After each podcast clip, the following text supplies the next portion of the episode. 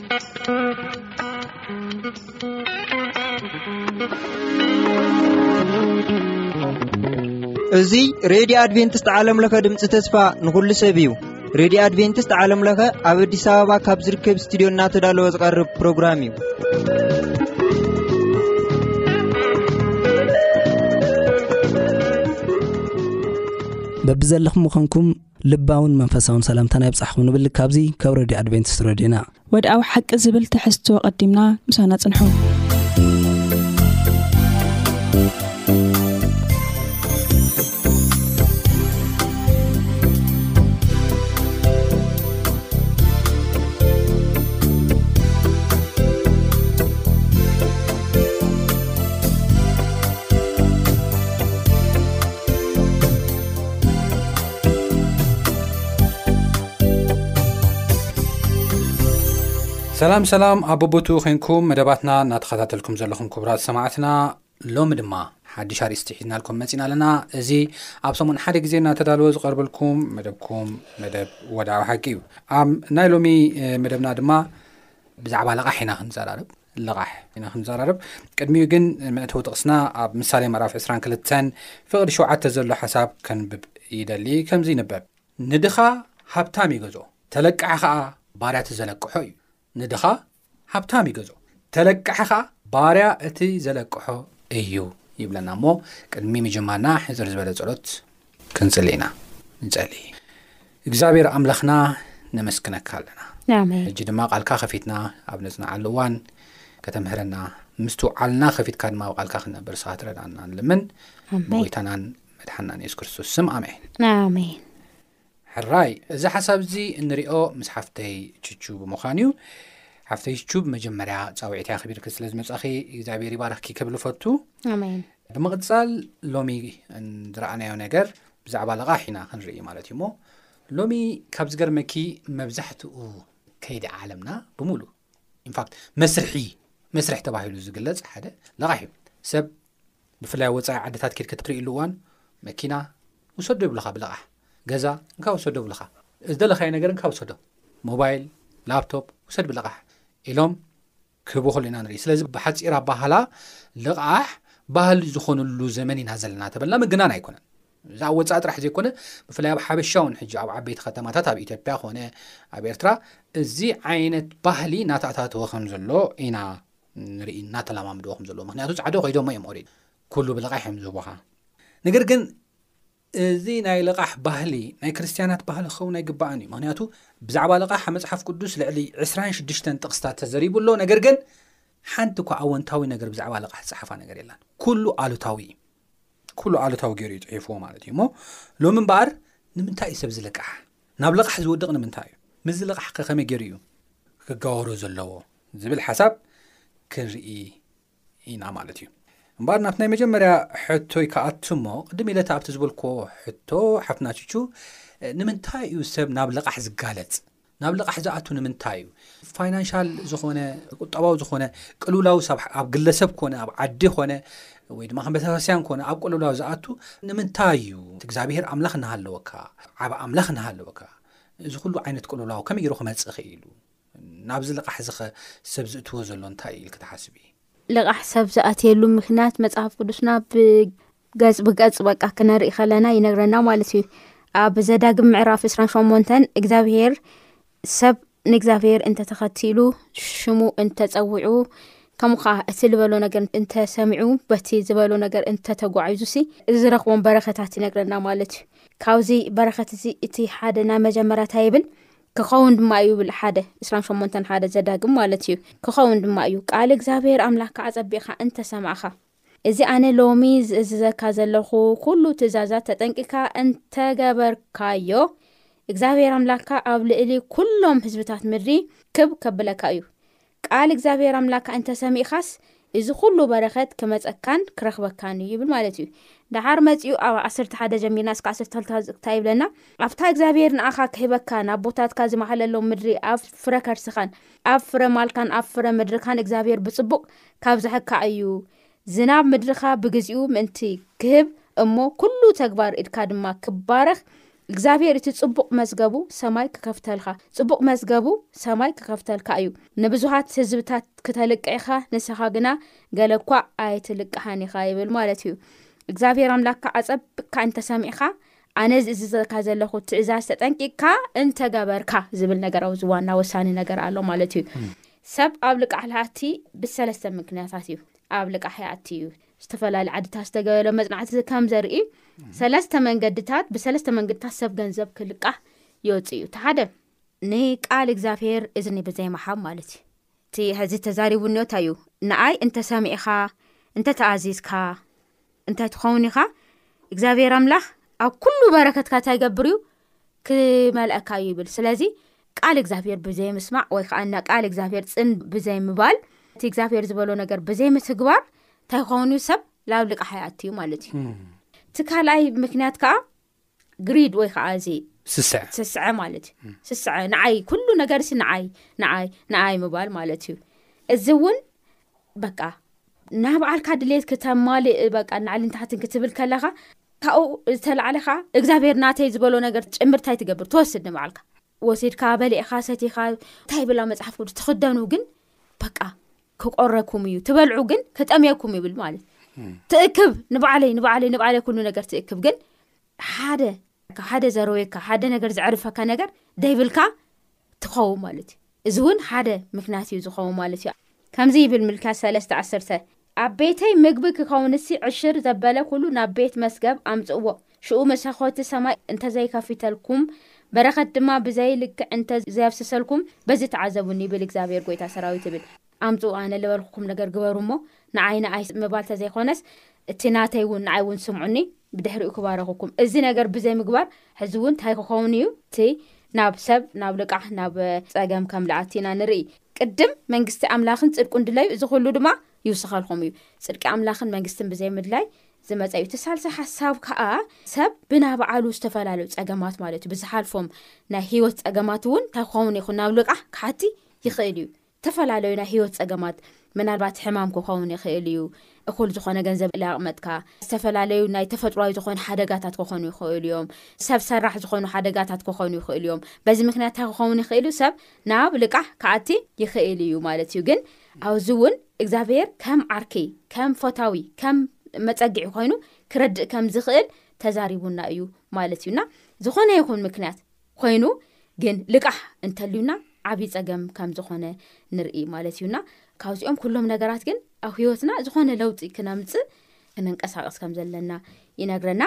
ቀዳማይ ጢሞቴዎስ ሽዱሽተ ካብ ሽዱሽተ እስካብ ትሽዓተ እሺ ከምዚ ይንበብ ግናኸ ኣምልኾ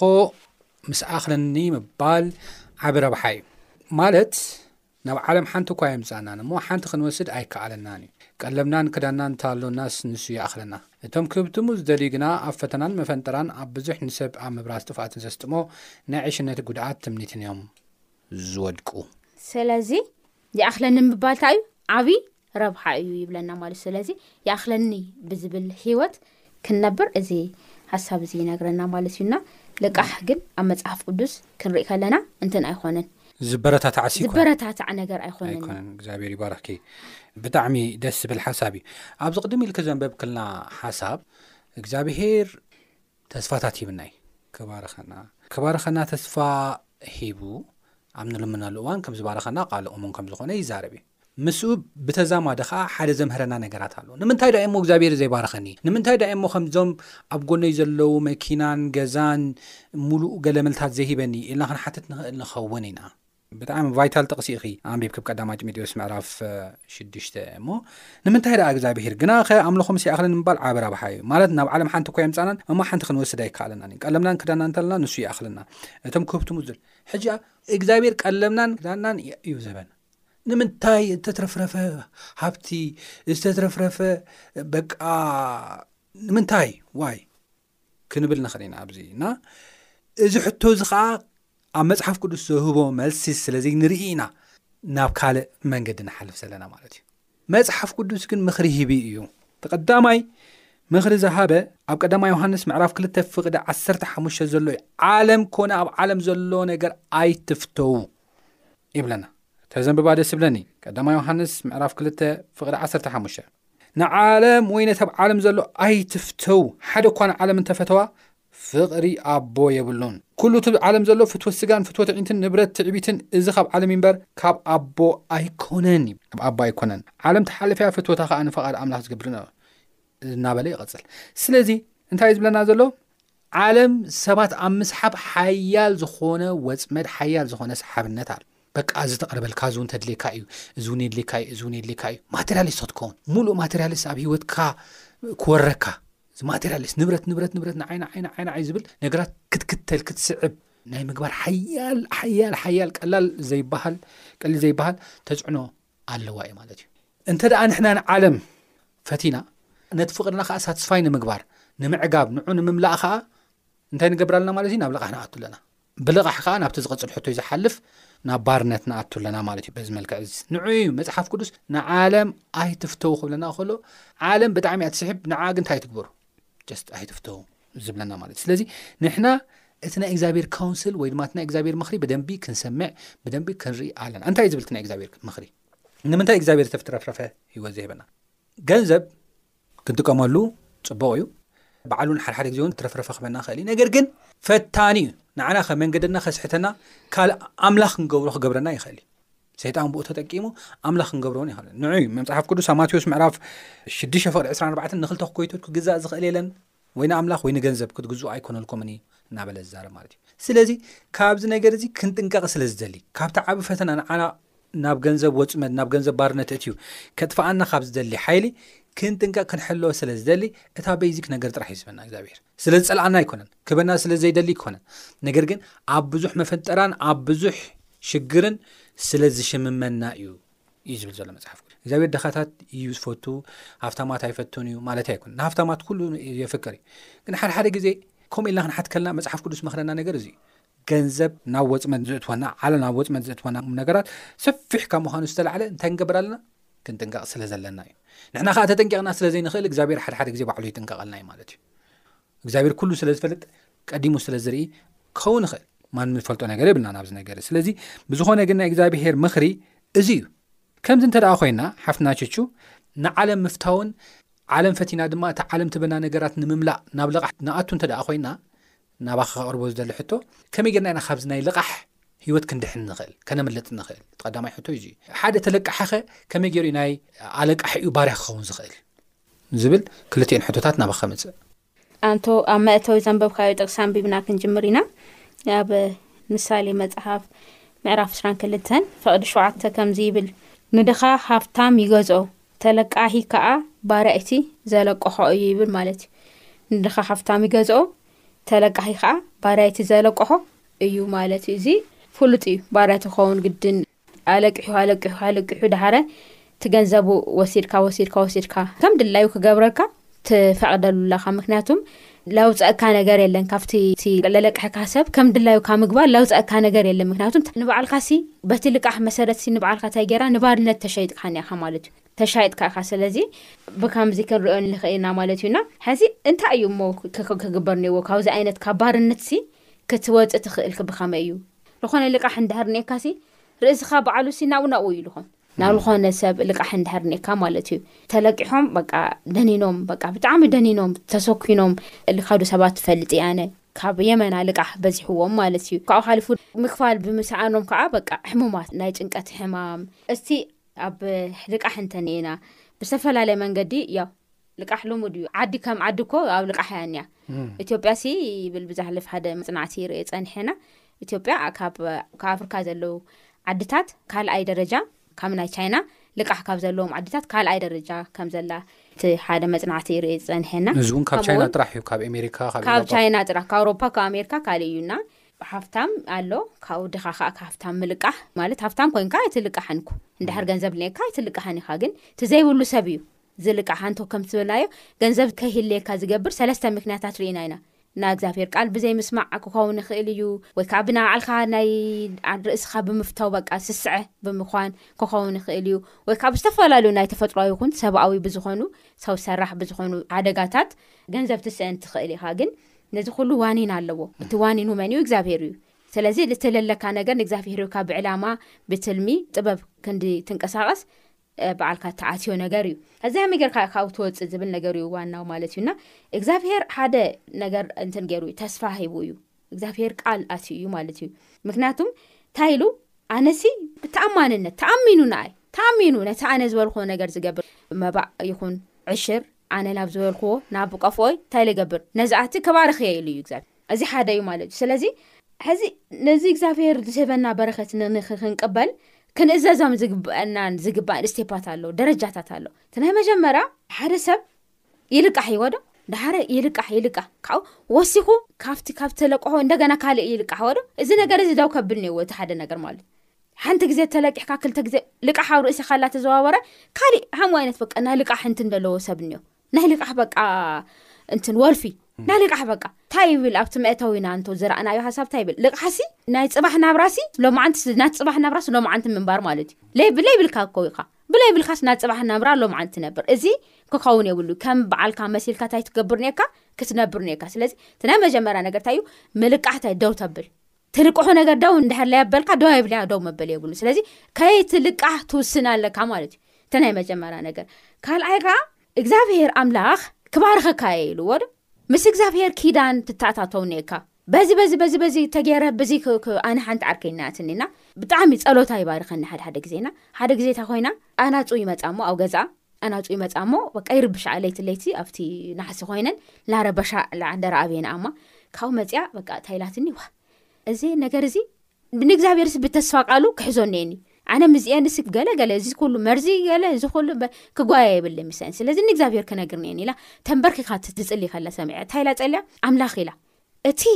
ዕሽር ይኹን መባእ ንዓይ ዝኸውን ነገር ኣብ ቀፎይ እንተ ኣቲኻሲ ክባርኸካ እየ፣ ካብ ኩኩባ ክፉኣት ነገራት ክጥንቀቐልኩም እየ ኢልካ፣ እዚ ቃልካ እዩ። ስለዚ ኣነ ጓልካ ንኣኻ እምንቲ እየ እሞ እዘን ኣናጹ እዘን ልርብሻኒ ዘሎ ካብ ገዛይ ኣባርረለይ ገለ ኢላ። ይገርመካ እዩ ይገርመካ እዩ ብኡነት። ምስቲ ጸሎታ ካብኡ ግን እንታይ ኢላ ዋ ጠፊኤን እኮ ኣናጹ ኢላትኒ መጽያ ማለት እዩ ክንድዚ ሰብ ንእግዚኣብሄር ክንድዚ በቃ ቀረብኡ እዩ ማለት ልቡ ክንድዚ ቀረብኡ እዩ እና ኣብቲ ተስፋ ቃሉ ደው ኢልካ ምስ እግዚኣብሄር ደው ምባል ካብ ልቃሕ እንታይ ይገብር እዩ ክተምልጥ ይገብረካ በቲ ተስፋ ቃሉ ማለት ምክን መጀመርያ እሙን ተኣሚንካ ደው ትብል ኔካ ኣነ ንኣኻ ተኣማኒት እየ እሞ ሃምዚ ሃምዚ ኣየልካ እያ ስለዚ እዚ ነገር እዚ ኣነ ኣይኽእሎን ሓዘለይ ሕሰቦ ንኣናጹዝ እግዛኣብሄር ሓደራ ምሓብ ክንዳየናይ ኢኻ ንእግዛኣብሄር ዓርኪ ጌርካዩ ክንዳየናይ ናይ ልብኻ ንጉስ ጌርካዩ ከም ዝኾንካ እዩ ለርእካና እዚ ካልኣይ ነገር በቲ ተስፋ ቃሉ እግዚኣብሄር ብዝሃቦ ነገር ንባዓልካ ተኣሚንካ ደው ኢልካ ንእግዚኣብሄር ከዓ እሙን ምዃኑ በቲ ተስፋ ቃሉ መሓዝ ማለት እዩ ትሳልሳይ ሓሳብ ከዓ ተለቃሕካዮም ልቕሓታት ካብ ንእሽ ተጀሚርካ እስካ ዓብዪ እንታይ ትገብር ፀሓፎ ድሓረ እንደምንም ኢልካ ብብግዜኡ እንታይ ትገብር ነቲ ለወሰድካዮ ነገር ናቀነስካዮ ትኸኒካ ናወሰካ ተኸይደ ይብልካን ናቐነስካዮ ትኸይድ ኔርካ እና ኣብ መወዳእታ ካብዚ እስራት እዚ ካብዚ ወፅመድ እዚ እንታይ ትኮን ትኽእል ኢኻ ክትወፅ ትኽእል ኢኻ ማለት እዩ ስለዚ እዞም ሰለስተ ደረጃታት እዚኦም እግዚኣብሄር ብትክክል ኣቕሚጡና እዩ ኣብ እብራውያን ዓስር ሰለስተ ሓሙሽተ እንታይ ይብለና እዚ ኣንቢበ ናብ መወዳእታ ከምፅእየ እሞ እብራውያን ዓስር ሰለስተ ፍቕዲ ሓሙሽተ ከምዚ ይብል ንሱ ባዕሉ ኣይ ክሓድገካን ዕሽሹን ከቶ ኣይብለካን እየ ኢሉ እዩ እሞ ንብረትኩም ብዘይ ፍቕሪ ገንዘብ ይኹን በቲ ዘለኩም እንታይ ግበሩ ዕገቡ ይብል ማለት በቲ ዘለካ በቲ እግዚኣብሄር ብዝሃበካ ነገር ብዓዓ ተሊምካ ብዓዓ ንበር ሽዑ እግዚኣብሄር ከዓ እቲ ምውፃእካ ምእታውካ ነገርካ ከመቻቹ ይኽእል እዩ ማለት እዩ እግዚኣብሔር ይባርኽኪ ሓፍትና ቹቹ ብጣዕሚ ደስ ዝብል ሓሳብ ኢኺ ሂብክና ካልእ ኣብ ቅልውላው ክእትወና ዝኽእሉ ነገራት ኣለዉ እቲ ቀዳማይ ዋሕስ ምዃን እዩ ንኻልእ ሰብ ዋሕስ ምዃን እዩ መፅሓፍ ቅዱስ ዋሕስ ስለ ምዃን ክንጥንቀቕ ከም ዘለና እዚ ነገር ድማ ናብ ወፅመድ ክእትወና ከምዝኽእል ኢብን ዋሕስ ዝኸውን ሰብ ብፍላይ ንዘይፈልጦ ሰብ ዋሕስ ዝኸውን ሰብ ምስትውዓል ዝጎደሎ ሰብ እዩ ኢሉ ከም ዝገልጾ ይዛረበናዩ ማለት እዩ ብጣዕሚ ኣነ ገርመኒ እዩ ማለት ክትርእዮ ከለኺ እንታይ ኣለዎ ምዋሓስ ዝተኾንክዎ ገለ ዝበሃል ነገር ኣሎ ነገር ግን ኮንሲኮንስ ኣሎ ተመሊሱ ናባካ ዘምፅኦ ነገር ኣሎ እንተ ኢልና ሓሲብና ማለት እዩ ምናልባት ኣብ ዘለዉ ጥቕስታት ዋሓስ ክሳብ ክንደየናይ ከቢድ ምዃኑ ንምርኣይ ኣብ ምሳሌ ዘለዉ ጥቕስታት ንርኣይ። ምሳሌ ምዕራፍ ሽዱሽተ ፍቕዲ ሓደ ክሳብ ሓሙሽተ ኬድና ኣብ ንርእየሉ እዋን ከምዚ ዝብል ቃል ንረክብ። ወደየ ንብጻይካ እንተ ተወሓስካ፣ ስለ ጓና ኸኣ ኢድካ እንተ ጠቓዕካ፣ ብቓላት ኣፍካ ተተሓዝካ፣ ብቓላት ኣፍካ ተፈንጠርካ፣ ወደየ ኣብ ኢድ ብጻይካ ካብ ወደቅካስ ምእንቲ ኽትነግር ከምዚ ግበር፣ ኪድ እሞ ተደፊእኻ ንብጻይካ ነዝንዞ። ምኽንያቱ ኦሪዲ ወሓስ ኮይንካ ኢኻ። ንዓይንኻ ድቃስ ንቐርኒብካ ትኽስተ ኣይትሃብ። ከምቲ ሚዳቋ ኣብ ኢድ ሃዳኒ ዑፍ ካብ ኢድ ኣፈንጣሪ ዘምልጣ ንርእስኻ ኣድሕን እና ብጣዕሚ ጥንቁቅ ክትኮን ኣለካ ዋሕስ ኦሬዲ ኣብ መፈንጠራ ኢካ ኣቲካ ዘለካ እዩ ስለዚ እታ ዋሕስ ዝኾንካላ ኦሬዲ እታ ማኖ ዝተንከፍካዮ ነገር እሳብ ትውዳእ ብጣዕሚ ብጥንቃቐ ትከይድ ኣለካ ዝብላ ነገራት ኣለ ሰብ ሪ ብጣዕሚ ዝገርም ነገር እዩ ካብዚ ተወሳኺ ምሳሌ ምዕራፍ 17 ፍቅዲ 18 ከዓ እዚ ጥቕሲ እዚ እውን ተመሳሳሊ ሓሳብ እዩ ዝነገረና ከምዚ ይንበብ እንታይ ይብል ልቢ ዘይብሉ ሰብ ኣገን ይጠቅዕ ወይ ድማ ኢዱ የጣቅዕ ማለት እዩ ኣብ ቅድሚ ብፀኢ ከዓ ይወሓስ እዚ እንታይ እዩ ዝብሎ ልቢ ዘይብሉ ሰብ ኢሉ ይፅውዕ ስለዚ ምውሓስ ግበር ዘይብሉን ግን ተገበርና እውን ብጣዕሚ ተጠንቂቕና ክንገብሩ ዝግባኣና ነገር ከም ዝኾነ መፅሓፍ ቅዱስ ዝዛረበና እዩ ዋሕስ ኢን ጀነራል ዝበራታታዕ ነገር ኣይኮነን ነገር ግን ብዝበኣሰ ከኣ ከምዚ ዓይነት ነገር ክትረክብ ከለካ ኣይትዋሓስ ኣርባዕተ ነጥቢ እሞ ብጣዕሚ ዝገርም እዩ እዚ ጥራሕ ግን ኣይኮነን ሎሚ ኣብ ዓለምና ካብ ዘሎ ነገራት ተሪኢክዮ ሓፍትና ሽቹ ዓብዪ ናይ ሃፍቲ ፅምኣት ኣሎ ኣብ ኩላትና ትድልየት ሕራይ ክህሉ ክእል እዩ ነገር ግን ብሓፂር ብሾርትከት ናይ ምህብታም ድሌት ኣሎ ዓብይ ናይ ሾርት ከት ምህብታም ማለት እዩ ስሪሕኻ ስዒርካ ለፊዕኻ ዘይኮነ ሰሪቕካ ሰብ ቀትልካ ኣጥፊእኻ ምዕባይ እዚ ዘሎ ሎ ናይ ኮልክሽን ኣብ ዓለምና እዚዩ ብምንም ኮነ ብምንም ኣብ ውሽጢ ኣዛ ዓመት እዚኣ ሃፍታም ክኾን ኣለኒ እዩ ሓሴደ ሰሪቐ ድየ ምናምን ገይረ ድየ ዝብል ሓሳባት ብጉሉሕ ኣብ ዓለምና እንሪኦ ዘለና ነገር እዩ። እዚ ኣይድያ እዚ ክጅመር ከሎ ንባዕሉ መጽሓፍ ቅዱስ ኣይድግፎን እዩ። ንምንታይ? ንሰብ ኣብ መፈንጠራን ኣብ ሓጢኣትን ኣብ ሽግርን ስለ ዘውድቖ እዩ። እወ ሰብ ቀቲሉ ሰሪቑ ገለመልታት ክህብቶም ይኽእል እዩ፣ ነገር ግን ጽባሕ ድሕሪ ጽባሕ ግን ኣብ ሽግር ስለ ዝሽምሞ እዩ። ምሳሌ ምዕራፍ ዕስራን ሸሞንተን ፍቕዲ ዕስራ ከንብባ። እሙን ሰብ ኣዝዩ ይባረኽ፣ እቲ ክህብትም ኢሉ ዝህወኽ ግና ከይተቐጽዐ ኣይተርፍን። ካብ እግዚኣብሄር እውን መቕጻዕቲ ኣለዎ እዩ ማለት እዩ። ኣብዚ እኳ ማንም ሰብ ተደይተንከፎ ሃብቱ፣ እቲ ዝሰረቖ ነገር ምንም እኳ ተደይተንከፎ፣ ኣብ ሰማይ ግን ከይተቐጽዐ ኣይተርፍን። ምክንያቱ ሰሪቑ፣ ቀቲሉ፣ ኣመንዚሩ ዘምጾ ክኸውን ይኽእል እዩ። ንሃብቲ ኢሉ ማለት እዩ። መስዋእቲ ከፊሉ፣ ፍቓድ ኣምላኽ ጥሒሱ፣ ቃል ኣምላኽ ረጋጊጹ ዘምጾ ስለ ዝኾነ ከይተቐጽዐ ኣይተርፍን ይብለና። ቅጽዓት እውን ኣሎ ካብ ኣምላኽ እዩ። ዝበሃል ቃል ኣሎ ሎሚ ብብዝሒ ዝጥቀም ኣብ ዓለምና ኣት ኤኒ ኮስት ምንም ዋጋ የኽፍል ኣየኽፍል በቃ ረጋጊፅካ ምሕላፍ እዩ ምፍታም እዩ ዝድለ ዘሎ ማለት እዚ ኣብ ሓደ ቁጠባዊ ወፅመድ ክእትወና ዝኽእል ስለ ዝኾነ በረኸት እውን ስለ ዘይብሉ እንታይ ክንገብር ኣለና ካብዚ ክንጥንቀቅ ካብዚ ክንድሕን ኣለና ሰሪሕና ዓይና ይኣኽለኒ ምባል ብዝብል ኣተሓሳስባ ክነብር እዩ ዝግብኣና ማለት እዩ ኣብ መወዳእታ ሓፍትና ችቹ ክሳዕ ሕጂ ክንልቃሕ የብልናን ክንወሓስ የብልናን ቀልጢፍና ናይ ምህብታም ድሌት ኣብ ወፅመድ እዩ ዘትወና ናበልና ኢና ፀኒሕና ከም ኣለቅሓ ኮይና ከ ኣስከሰ ንርአ ንርእስና እንታይ እዩ ዝብለና መፅሓፍ ቅዱስ ከም ኣለቅሓ ኮይና ኸ ክንቀርብ ኮልና እንታይ እዩ ዝብል መፅሓፍ ቅዱስ እንታይ እዩ ዝመክር መፅሓፍ ቅዱስ ሓደ ሓደ ግዜ ሰብ ተኣምን ኢኻ ማለት ዓርክኻ ይኾነካ መተዓቢታ ይኾነካ ብዙሕ ሓቢርካ ለሐለፍካዮ ሰብ ይኾነካ እሞ ተሰኪፍካ ታይ ትኸውን ዝኾነ ዋሓስ ትኸውን ዋሓስ ናይ ምዃን ሕማቕ ነገር ማለት ኣነ ገጢሙኒ እዮ ኣብዚ ቀረባ ግዜ እና ሓቢሩ ንሰርሕ በቃ ዕሩክቲ ብጣዕሚ ነዊሕ ዓመት ኣቢልና ዝሰርሓና ብጣዕሚ ንኣምኖ ሰብ እዩ እንታይ ብለኒ በቃ ዝኾነ ስራሕ እየ ደልየ እና ገንዘብ ከልቃሕ እየ ደልየ ካብ ባኒ ልሽወጠሉ ክኸፍት ቤጃ ክባገል የብለኒ ዋሕስ ይኾነሉ እዚ ሰብ ማለት እዩ ብድሕሪኡ እቲ ወርሒ ወርሒ ክኸፍል ነይርዎ እቲ ዝወሰዶ ገንዘብ ወርሒ ወርሒ ክህብ ነይርዎ ማለት እዩ እና እዚ ሰብ እዚ እቲ ገንዘብ ምስ ወሰደ ኣይተበለሉ ይመስለኒ ኣይኮነሉ ይመስለኒ ይገድፎ እቲ ከኸፍሎ ነገር ይገድፎ ማለት እዩና እዚ ቀጥታ ናባ እዩ ዝድወል ት ስልኪ ማለት እዩ ናባ እዩ ዝድወል ብዙሕ ግዜ ማለት እዩና እንታይ እየ እንትን ኢለ ብድሕሪኡ ግን እቲ ሰብ መንገዛ መንነተይ ናይ በዓለ ዋሓስኣትየሲ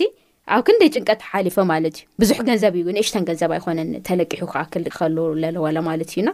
ብድሕሪኡ ግን እንደምንም ኢሉ ኣብ መወዳእታ ያው እሳቶም ምድዋል ኣቋሪፆም ዛት ሚንስ እቲ ሰብ እዚ እቲ ገንዘብ ከፊሉሎም ኣሎ ማለት እዩ እና ግን ከቢድ እዩ ዋላ ዓርከኸይ ዋላ ናተ እዩ ገለ ኢልካ በቲ ሽዑ ግዜ ግን ብጣዕሚ በቃ ናባይ ናደወሉ ናብ ፖሊስ መፅርያ ገለመለ ላምፅኡ ማለት ክእሰር ማለት እዩ እንግዲህ ፅቡቅ ክንዲ ፅቡቅ ልገርክዎ ክእሰር ማለት እዩ እና ሃምኡታት እናገበሩ ኣብ ለለዎ ግዜ ክድውለሉ ከለኹ ባዕሉስ ስልኩ ኣይሰርሕን ስሉ ባዕሉ ለክ ኣብ ካልእ ጭንቀት እንዮ እቲ ገንዘብ ወሲዱ በቃ ኣይረብሐሉ እዩ ማለት እዩ ኣብ ካልእ ጭንቀት እንዮ ስልኩ ስልኩ ኣጥፍኡ ሱ የለ እና ከቢድ ናይ ስቃ ግዜ ኣሓሊፈ እየ እና እስቲ ውሓስ ምዃን ብበዓልካ ብሂወትካ እውን ትሪኦ ነገር እዩና ትጥንቀቅ ከም ዘለካ ማለት እዩ ሰብ ስለ ዝኣመንካዮ ኣይ እስኻ ሓወይ እንዲኻ ሓፍተይ እንዲኻ ገለላልካ ተኻዶ መንገዲ ድሓር ንበዓልካ ጭንቀት ይልወልደልካና እዚ ክንጥንቀቅ ከም ዝግባኣና እዩ ኩሉ ነገር ብንቕሓት ንሰብ ክንኣምን ከም ዘይብልና ይነግረና ማለት እዩ ናብቲ ናይ መወዳእታ ሃሳብ ክኸይ ድማ ሕፅር ዝበለ ቃ እንትን ክብል ደሊ ይደሊ ኣብ ኦሪት ዘዳግም ዓሰርተ ሓሙሽተ ካብ ሓደ ጀሚርና ክንርኢ ከለና ኣብ መወዳእታ ሸሸብዓተ ዓመት ህድገት ግበር ይብል እቲ ናይ ህድገት ነገር ከዓ እዚ እዩ ነፍሲ ወከፍ መለቅሒ እቲ ንብፃዩ ዘለቀሖ ይሕደገሉ ናይ እግዚኣብሔር ሕድገት ተኣውጁ እዩ እሞ ካብ ብፃዩን ሓውን ኣይ ድለዮ ካብ ጓና ደኣ ድለዮ ኣብ ሃውካ ዘሎካ ግን ሕደገሉ ኣብታ እግዚኣብሄር ኣምላካ ንርስቲ ክትወርሳ ዝህበካ ምድሪ እግዚኣብሄር ብርግጽ ክባርኸካ እዩ እሞ ድኻ ኣይርከበካ ሓንትስ እዚ ኣነ ሎሚ ዝእዝዘካ ዘለኹ ኩሉ ትእዛዝ ክትሕልዎን ክትገብሮን ንቃል እግዚኣብሄር ኣምላካ ተጠንቅቅካ ደኣ ስምዓዮ እምበር እግዚኣብሄር ኣምላኽካ ከምቲ ዝፍወሰካ ክባርኸካ እዩ እሞ ንስኻ ድማ ንብዙሓት ህዝብታት ክተለቅሕ ኢኻ። ንስኻ ግና ኣይትልቅሓን፣ ንብዙሓት ህዝብታት ድማ ክትገዝእ ኢኻ፣ ንሳቶም ግና ኣይገዝኡኻን እዮም ይብል ማለት እዩ። ሕድገት ግበረሉ፣ ሕደግ እቲ ዘለቅሕካዮ ነገር እንታይ ግበር ሕደግ። እዚ ብሸዓተ ዓመት ይብለካ ማለት እዩ። ንስኻ ተሓዲግካ እቲ ሰብሲ ሸዓተ ዓመት ሙሉእ እንዳሃለየ መለሰሉ እኳ ኣይክኣለን ማለት እዩ እዎዶ ግን መን እዩ በዚ ዘመን እዚ ዋላ ሓምሳ ዓመት ዋላ ሚእቲ ዓመት ለገብ ወለዲሲ ወለዲስ ተለቂሖም ሞይቶምስ ደቆም ዝኸፍሉሎም እንትን ይፈልጥ ያነ ቀረባ ማልቲ ኣዝማደ እኒኦ ወለዶም ተለቂሖም ለይከኣልዎ ነገር ንደቆም ገዲፎምሎም ኳይዶም ማለት እዩ ስለዚ ኣዚ ኣዚ ዋና ነገር እንታይ እዩ ኣለቃሓይ በዚ ዘመን እዚ ኣለቃ ሃይ ክሓድገልካ ማለት ልሕዝ ሰብ ነገር እዩ ልሕዝ ሰብ ነገር እዩ ኣብዚ ኣብ እስራኤል ዘመን ግን ነይሩ እዩ ከምኡ ማለት እዩ መሬት እዩ ነይሩ መሬት ትወስድ ድሓረቲ መሬት ከዓ እንታይ ትገብር ትሃድገሉ እንካ እዚ ኣለቂሕካ ነይረ ዋይ በቃ ገዲፈ ዩ ዩ ውሰዶ ንበዓልካ ተጠቐሞ ገሌካ ትብል በዚ ሎሚ ግዜ ግን ሰብ ብትምህርቲ እዩ ዝኣምንዎዶ ትምህርቲ እዩ እቲ ዋና ነገር ማለት እዩ ሰብ ንትምህርቲ ኢሉ ከዓ ብጣዕሚ ብዙሕ ነገር ዋጋ ይከፍል በዚ ሎሚ ግዜ እዚ ማለት እዩ ሓደ ነገር ግን ዋና ነገር ክንፈልጠ ዝግበኣና ነገር ዋላ ተለቅሒና ንመሃር ዋላ ተለቅሒና ንባዕልና ዓርስና ንምዕብል ብትክክል እቲ ዝተምሃርክዎ ነገር ውፅኢታማ ድዩ ነቲ ዝተለቃሕክዎ ነገር ሰሪሐሲ ክመልሲ ይኽእል ድየ ብኡ ኣንፃር ኢኻ ስራሕ ዝርከበሉ ነገር ኢኻ ተምሂርካ ዋላ ክተብልኒካ ኩሉ ነገር ትረኽቦ ነገር ፅባሕ ትረኽቦ ነገር ስኡልካ ብተስፋ ይኮነ ዓሊምካ ትረኽቦ ነገር ጌርካ ክመልስ ድየ ኢልካ ትምልስ ኣለካ ማለት በዚ ሎሚ ዘመን የለን ሸዓተ ዓመት እንኳዕ ሸዓተ ዓመት ሰብዓ ዓመት ዋላ ንደቂ ደቅካ እውን ኣሸኪምካ ትኸድ ማለት እዩ ብድሕሪኡ እሱላ ከፈለ ጎቢጡ ይነብርቲ ደቅካና እዚ ክኸውን ከም ዘይብሉ ማለት እዩና ብጣዕሚ ከቢድ እዩ ልቓሕ ኣነ ሓደ ግዜ እቲ ዝብለኒ ወለደይሲ ንደቆም ንኣወዳት ደቆ ሓዋተይ እኒኦውና ትምህርቲ ምስ ወድኡስ መፂኦም በቃ ንግዲ ንግዲ ንግዲ ንግዲ ይገል ኢሎም ካብኡስ ገዛ ናገዛይ ካርታ ናገዛ ካርታስ ባንኪ ኣትሒዞም ወለደይ ማለት እዩ ድሃር እቶም ኣሕዋተይ ያው ሂወቶም ለጽቡቅ ኣይነበረን በቃ እቲ ልወሰድዎ መዓት ገንዘብ ገዛ ኣትሒዝካ ልወፀ በትሽ ብሽዑ ግዜ ማለት እዩ ብትንትን ኣውፅኦሞ ማለት እዩ ብድሕሪኡ እቲ ባንኪ እንታይ ይገብር እቲ ገዛ ሓራጅ ካብቲ ዝነብርዎ ገዛ እንግዲ ካውፅኦም ማለት እዩ በስ ኣጋ እርጋንካ ድሓረ ግን እግዚኣብሄር መስገን ነቲ ነገር እሱ ልሕግዞም ሰብ ረኪቦም ድሓረ ነቲ ሰብ እሱ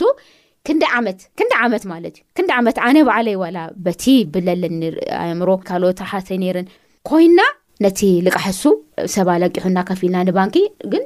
ብብግዜኡ ላኸፈልና ትዝ ይብለኒ ማለት እዩና ልቃሕ ባርያ እዩ ዝገብረካ እግዚኣብሔር ይባርኽኪ ሓፍትና ቹቹ ብጣዕሚ ደስ ዝብል ሓሳብ እዩ ነይሩ ናይ ሎማዓንቲ ከቢድ ዘመን እዩ ዓለም ትስሕበሉ ንልቓሕ ትዕድመሉ ግዜ እዩ ግን ብጸጋ ኣምላኽ ድማ ዘይከኣል ነገር የለን ይኣኽለን ኢልካ ተመስገን ኢልካ በቲ ዝኣኽለካ እናሰራሕኻ እቲ ዝግባኣካ ምንባር ከኣ እዚ ከዓ ጸጋ እዩ ኣምላኽ እውን የኽእል እዩ ይባርኽ እዩ ብል እዩ ተተስፍኡን ይፍጽም እዩ ኣምላኽ እሞ ከምዚ ክንገብር ተልልና ንምህብታም ኣብ ዘድሊ ብርሰትን ጥፍኣትን ከይንኣቱ